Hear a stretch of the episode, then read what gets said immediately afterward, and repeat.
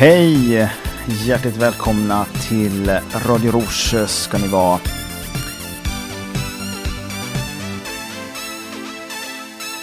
Det har blivit maj. Det har blivit födelsedag. Det har blivit Joel Krantz 35 år gammal.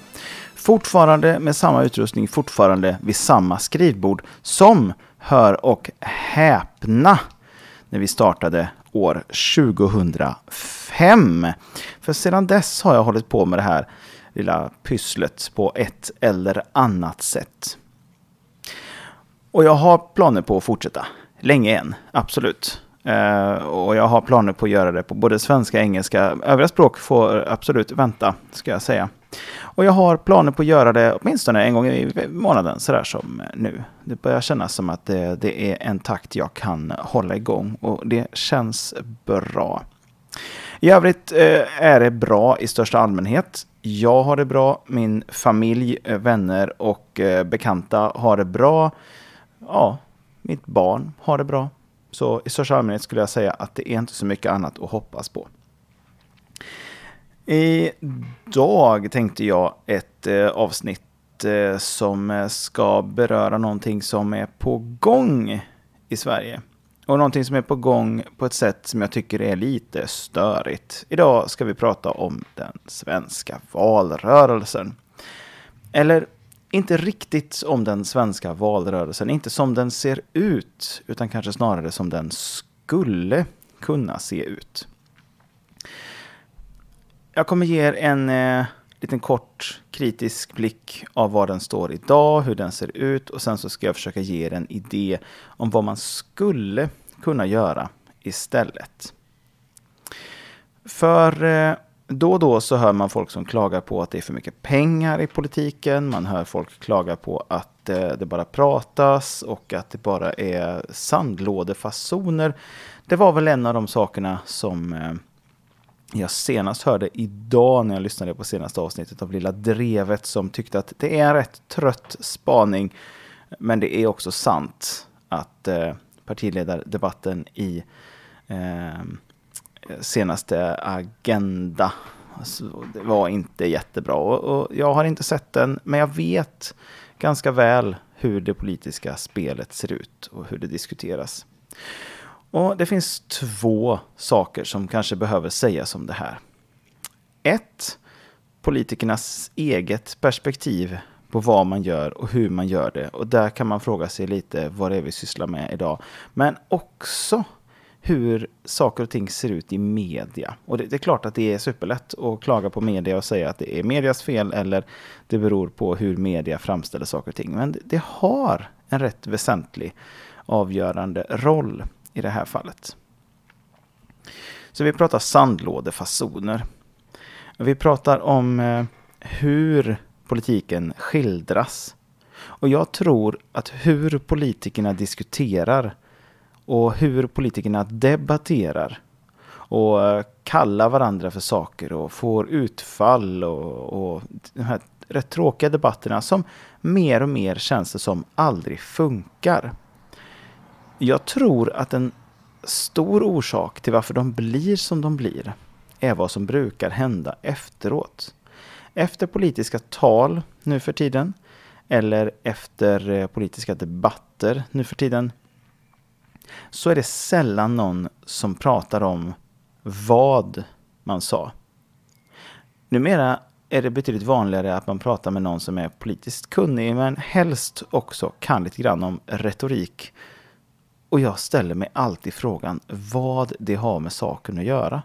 Det är klart att jag förstår att de som lyssnar på talet eller de som lyssnar på debatten uppskattar om någon kan få fram sin poäng på ett bra sätt. Givetvis. Men om det är det vi ska bedöma politik på, då tycker jag att det hela faller. För då bedömer vi ju inte politiken överhuvudtaget. Det vi bedömer då, det är förmågan att framställa sig. Så det är inte så himla konstigt att det läggs mer och mer pengar på spindoktors och olika former av PR-konsulter och att det kostar en helvetes massa pengar att bedriva reklamkampanj. För det är just reklamkampanj man gör för sitt parti. Tänk på det, kom ihåg det. Partiernas förmåga att få ut sitt budskap handlar ju inte om hur stora de är. Det rikaste partiet idag, så vitt jag vet, i Sverige är Centerpartiet, som ju inte alls är något av de allra största partierna. Men de har så mycket ekonomisk backning från olika håll. Och då kan de också driva en oerhört stark kampanj. Mycket, mycket starkare än vad kanske de skulle kunna göra om det bara handlade om medlemsavgifter. Men vi får också fundera på, förstås, var drar vi gränsen om vi, om vi inte skulle utgå ifrån partiernas storlek eller partiernas ekonomiska muskler, utan skulle utgå från någonting annat. Hur små partier skulle vi tillåta vara med i diskussionen? Och på vilket sätt skulle vi ha diskussionen? Mm. Jag förstår att jag kommer att riskera att låta lite, vad ska vi säga, snäv Låt oss använda det uttrycket. Jag förstår att jag låter lite snäv. Och mina idéer här är inte förslag som ska tas som eh, idéer att utveckla och sedan applicera på svensk eh, valrörelse, vare sig nu eller längre fram. Men de skulle kunna användas som en försiktig tankegång på hur vi skulle kunna se på valrörelser, på valförfarande och på diskussioner och debatter om politik överlag. För jag tror att vi i någon mån redan är på väg dit. Jag upplever från mitt perspektiv att det blir vanligare och vanligare att folk efterfrågar samtal istället för debatter. Om vi ställer upp det i förhållande till hur aggressivt någonting är, då skulle jag säga att en debatt, den är dels ganska aggressiv, den handlar också om att försöka eh, övervinna tredje part. Man försöker givetvis inte få över den personen man debatterar med. Speciellt inte om man gör det på tv med 200 000 tittare. Nej, nej det man vill är ju att någon som sitter ute i tv-soffan ska känna att det här, det här talar till mig, det här är precis så som jag tycker. Och om man gör det tillräckligt bra Ja, då är det förmodligen för att man kan föra sig på rätt sätt, framstå på rätt sätt. Och då kommer också retorikexperten efteråt att säga det här var, det här var bra. Han förde sig med en, eh, en självsäkerhet och visar att han är just den eh, ledare som Sverige behöver. Eller om det inte går så bra, det här ser ut som att han inte riktigt vet hur han ska förhålla sig till. Han eh, ser lite nervös ut och det ser ut som att han har tagit sig vatten över huvudet. Men vad ska vi med sådana åsikter till egentligen? Givetvis är det väsentligt för en person som ska leda landet att den personen är statsmannamässig. Men någonstans är det ju inte bara en person som leder landet. Lika lite som att det är en person bara utan politisk anknytning bakom som leder landet. När vi lyssnar och tittar på debatter så tycks det alltså som att det är väldigt låg nivå. Det är väl allmänt förekommande att man har den uppfattningen. Det kan diskuteras vem som vann. Någon kan tycka att någon ägde någon annan. Och det diskuteras vem som, vem som fick in de bästa punchlinerna. Men är det inte lite mer intressant att höra vad de olika partierna eller personerna tycker? Och hur får vi fram det? Jag skulle vilja påstå att det är genom samtal. Vi går tillbaka till att försöka se hur vi skulle kunna ställa upp det här. För det är en sak som, som inte riktigt finns där också. Vi pratar ibland om att vi behöver ha en bra diskussion. Och jag tycker, det här är väldigt subjektivt, jag tycker att diskussion, den ligger väl däremellan någonstans. Jag skulle vilja påstå att det vi ska försöka undvika i debatten, det är just debatter. Man kan tala om den allmänna debatten, det allmänna samtalsklimatet, diskursen eller vilka ord man nu vill använda. Men om vi pratar om hur vi interagerar med varandra om de här ämnena, då skulle jag vilja påstå att debatt, det mest allenarådande formatet vi har. Det urartar. Vi försöker ha en person som, som håller i trådarna men det slutar ändå bara med att folk bryter in och avbryter och pratar i munnen på varandra. Ska vi ha debatter, då ska vi ha dem som man faktiskt har debatter. Vet ni hur det går till? De som är lite äldre av er som lyssnar vet säkerligen hur det går till. Och de som är yngre, de vet förmodligen inte alls. Ni vet det här med att man bara får använda 140, eller om man har tur 280 tecken på Twitter. Det är lite så, fast en mer rimlig utläggningslängd. En moderator håller koll på framförallt tiden, ställer inte i första hand frågor, utan håller koll på deltagarna så att de inte överträder sina gränser. Sedan håller man varsitt inledningsanförande.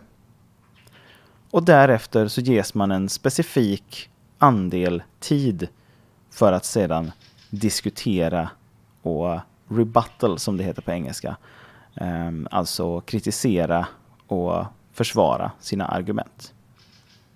Det är mycket enkelt. Det är ett system som fungerar alldeles utmärkt och i viss mån finns i eh, mindre omfattning och är lite vanligare utomlands än i Sverige. I Sverige har vi den här mer lösa formen av tv-debatt. Tv-debatten är inget bra. Och ska man fortsätta ha det så kommer vi ingen vart. Vi, vi kommer stå och stampa precis där vi är och folk kommer fortsätta tycka att politiken är precis så dålig och så värdelös som den är. Strax under debatten, där kommer diskussionen. En diskussion är per definition lite mindre ordnad än vad en debatt i alla fall kan vara. Jag skulle säga att det vi ser i tv idag, det är en riktigt dålig diskussion. Det är inte en debatt sådär ordnad och ordentligt uppstrukturerad. Det är heller inte ett samtal mellan personer. Nej, det, är en, det är en diskussion. Det är en diskussion på den nivån som man har runt eh, fikabordet på jobbet när det faktiskt inte är någon som håller i samtalet. Fast det är också någon som försöker hålla i samtalet men som blir ständigt avbruten eller som måste avbryta andra. Det är inget bra. Vi hamnar ingen bra stans där överhuvudtaget. Så diskussionen, trots att man ibland säger vi måste ha en saklig diskussion, jag vet inte, saklig är jättebra. Debatt kan funka alldeles utmärkt. Men om diskussion är det som vi ser idag, vilket jag tycker att det verkligen är. Nej, det är inget bra heller. Så okej, okay. diskussion går bort. Debatten kan vi ha om den förs på rätt sätt. Men vad finns det för fler alternativ? Jo, just det där som ligger strax under diskussionen. Eller hellre en ganska bra bit under diskussionen. Och det är två ord här som är snarlika men kanske har lite, lite skillnad ändå. Det första det är samtal. Och det tycker vi nog att vi upplever ibland. Att en person blir intervjuad, får eh, ordentligt med tid att prata ut och, och, och förklara sig. Och den där tiden som är ordentlig och där folk faktiskt får förklara sig, den brukar ju inte vara särskilt lång egentligen titta på samtal eh, och intervjuer som man ser på amerikansk kvälls-tv till exempel. Jag påstår inte att den är politisk, även om det inte är helt ovanligt. Men man tänker att det är en, en lagom lång, intressant intervju med någon. De brukar vara ungefär fyra till sex minuter. Kan ni tänka er att vara politisk gäst och vara med i ett program och få så lite tid? Jag skulle bli skogstokig. Jag skulle tycka det kändes som att varför har ni bjudit hit mig överhuvudtaget? Om ni är mindre intresserade av mig eller framförallt det jag har att säga och de åsikter som jag står för och den förändring jag vill göra med samhället. Att ni inte är mer intresserade än att ge mig sex minuter. Ja, tänker ni, vi har ju faktiskt de här lite längre intervjuerna. Ehm, de är längre, de är mer sakliga men vi är tillbaks där igen. Det är en intervju. Vi har en, eh, en person som ska vara, ja vad ska vi säga, opartisk. Det diskuteras mycket ifall man kan vara det, ifall man lyckas med att vara det i olika eh, forum och, olika redaktioner i media eller om man eh, försöker vara det överhuvudtaget. Jag tror säkert att man försöker vara det. Och jag tror definitivt det handlar om att många anser att det som ligger lite längre ifrån vad de själva tycker, det måste hållas mycket, mycket hårdare än det som man själv tycker. Och det är inget konstigt med det, det följer naturligt eh, att vi som människor har lite svårt att förhålla oss till andras åsikter. Så när vi ser folk som har andra åsikter så tycker vi att det där låter helt sjukt. Det där måste någon hålla koll på, för så där kan man väl inte säga. Men det kan man för det allra mesta. Det är inga större problem. Det är klart det finns avarter, men, men i mångt och mycket så, så kan man faktiskt diskutera. Okej, okay, nu sa jag diskutera. Det var ju olyckligt, för det är faktiskt inte en diskussion när det är en intervju. Man kan kalla det för ett samtal, men det är egentligen en, en intervju. Nej, jag vill ett steg närmare oss och ett steg närmare det jag tror att jag verkligen, verkligen skulle vilja se. Om ni föreställer er att jag sitter här och jag försöker ha den här lugna, stillsamma, eftertänksamma tonen i rösten. Och så sitter en annan person där på andra sidan om skrivbordet och lyssnar på det jag säger. Och funderar lite. Tillåter ett ögonblicks tystnad när jag förklarar vad jag tycker om svensk valrörelse. Och sen kan den andra personen svara Jaha. Det var rätt intressant. För jag har nog inte haft samma uppfattning eller tänkt på det sättet. Jag har nog tänkt att vi kanske behöver mer pengar snarare. Och sen varför. Vi kanske inte håller med varandra, men det vi skulle få då, det är en konversation.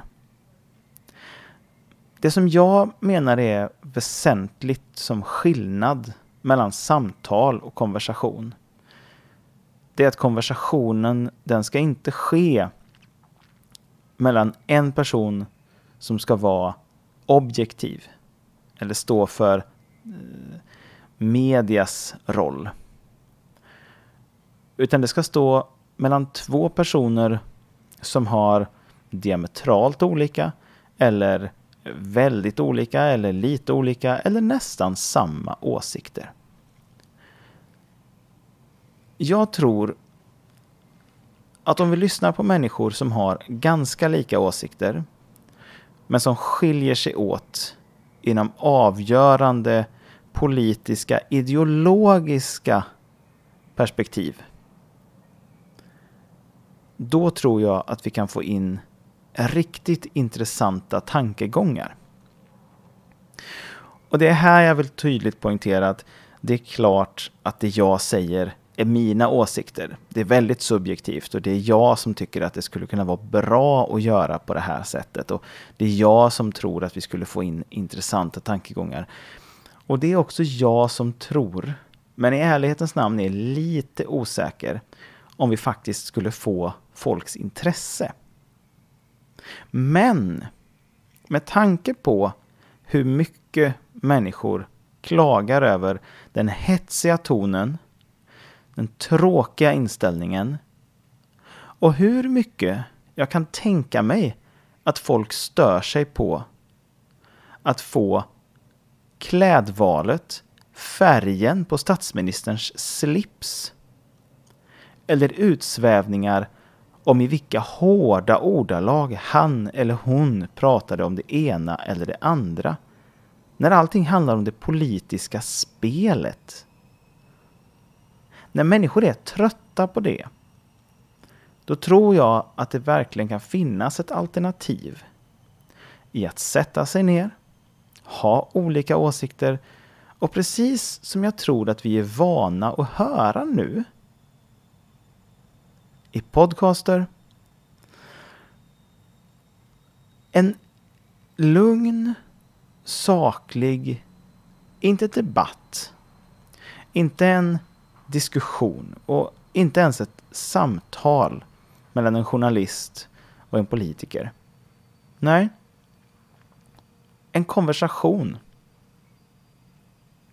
En stund där två personer får utbyta erfarenheter, tankegångar och helt enkelt få dryfta de idéer och tankegångar man har.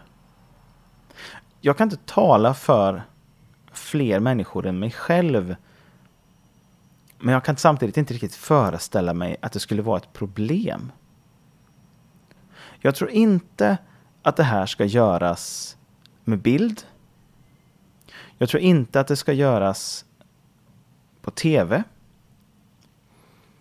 Jag tror att det här ska göras så att människor kan lyssna på det här vid tillfällen när de inte är full, har fullt fokus, tittar på någonting. Jag tror att det ska göras på ett sånt sätt så att när människor som är ute och går sina promenader eller står på löpbandet eller lyfter sina vikter, går sina hundpromenader eller är på väg till jobbet eller skolan eller arbetsförmedlingen. Då tror jag att det skulle vara alldeles förträffligt om människor fick ta del av det här. Och det är nu avslutningsvis jag kommer till den delen som jag förstår om många kommer ha väldigt, väldigt svårt för. Okej. Okay. Jag sa i början att Centerpartiet, enligt min vetskap, det är några år gammal siffra och jag kan inte ge er en exakt källa på den. Men att Centerpartiet skulle vara det rikaste eller ett av Sveriges rikaste partier. Och att de därför har väldigt gott om pengar för att göra reklamkampanjer. Föreställ er istället att partierna överhuvudtaget inte fick spendera några andra pengar än de som de fick i förhållande till sitt medlemsantal. De inte fick ta emot bidrag från organisationer, att de inte fick ta emot några bidrag faktiskt någonstans överhuvudtaget. Ja, vi kanske till och med kan leka med tanken, rent filosofiskt, utan att säga att det vore bra eller dåligt, men vi kan leka med tanken att de inte skulle få lov att göra reklam.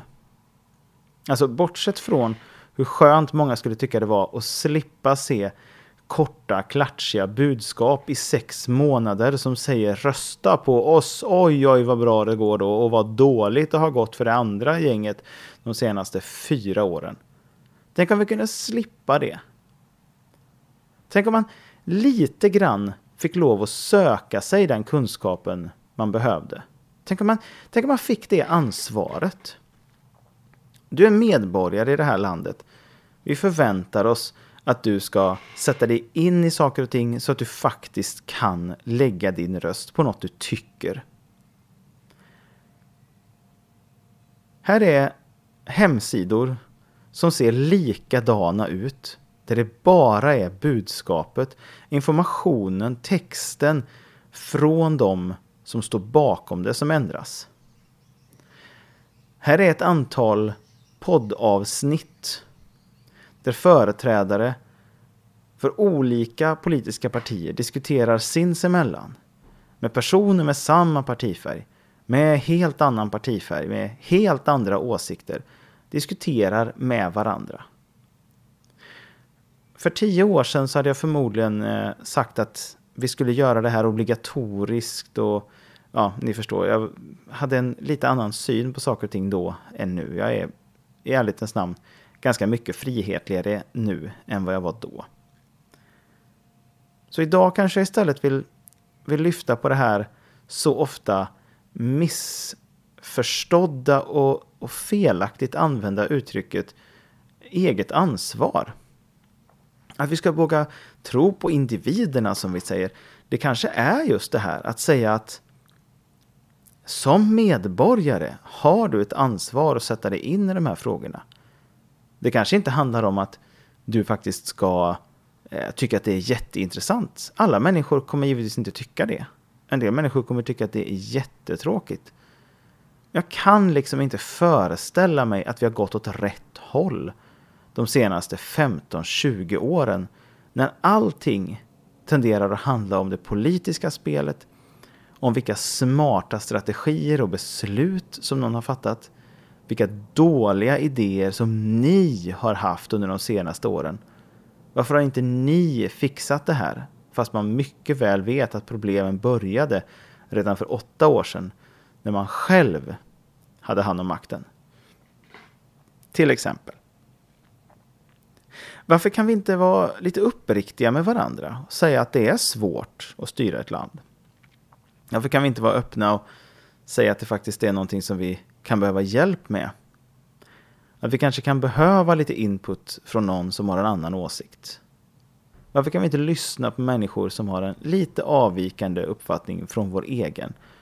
Och varför skulle inte vår valrörelse kunna vara byggd på just det? Tanken att vi skulle kunna intressera oss för och därigenom söka kunskap och information och faktiskt lyssna på det som vi är intresserade av och fatta ett beslut därifrån. Jag säger inte att det skulle vara klockrent eller mycket bättre. Och det är klart att det finns kärnväljare som aldrig lämnar ett parti, men vi ser ju att de blir färre och färre hos Socialdemokraterna. Fler och fler hos Sverigedemokraterna. Och ni vet min partifärg, ni vet att jag inte sympatiserar med Sverigedemokraterna, så därför är jag uppriktig och, och ärlig nog att säga att jag tycker att det är ett problem. Om det är det vi ser, och vi tycker att det är ett problem, och vi tycker att de står för värderingar som inte är lämpliga, vilket fortfarande, även om det ibland känns lite tveksamt, sägs av de flesta partier i Sverige. Om det då är så att det är vår inställning, att vi vill försöka förhindra flykten till SD eller partier längre ut på den extrema högerkanten, nationalistiska partier och så vidare. Och så vidare. Och så ser vi att det har gått åt fel håll hittills under de senaste valrörelserna. Vi ser att Socialdemokraterna, som ursprungligen var partiet som bildades av folkrörelserna och fackförbunden, sedan har lämnat de idealen och de tankegångarna och det har inte fungerat. Och dessutom så har både Socialdemokraterna och de flesta andra partier, i viss mån mitt eget parti, Vänsterpartiet, gått i just den här fällan. Att ställa upp på debatter och diskussioner och försöka och slå sig fram. Och jag vet inte, återigen, mitt eget parti diskuterat här, om det är någonting man vill göra eller om man egentligen har uppfattningen att det är på ungefär samma sätt som jag. Vilket jag egentligen tror att många politiker tycker. Men det är något av ett fångarnas dilemma det här. Det är ingen som vågar ta det här steget för man är rädd att andra ska låta bli och då få fördelar för sitt parti som man själv inte får genom att inte satsa stort på reklam eller genom att inte vara med i hysteriska debatter där man skriker på varandra. Jag tror att det skulle vara en bra idé, men eh, jag förstår att det inte går att genomföra. Jag är fullt införstådd med att det här är fantasier, önsketänkande. Men ni kan väl ha det i bakhuvudet så eh, hörs vi igen om eh, en månad. Då är det sommar och tar jag inte sommarlov så ja, hörs vi då. Ha det för jävla asbra. Ta hand om er. Hej då!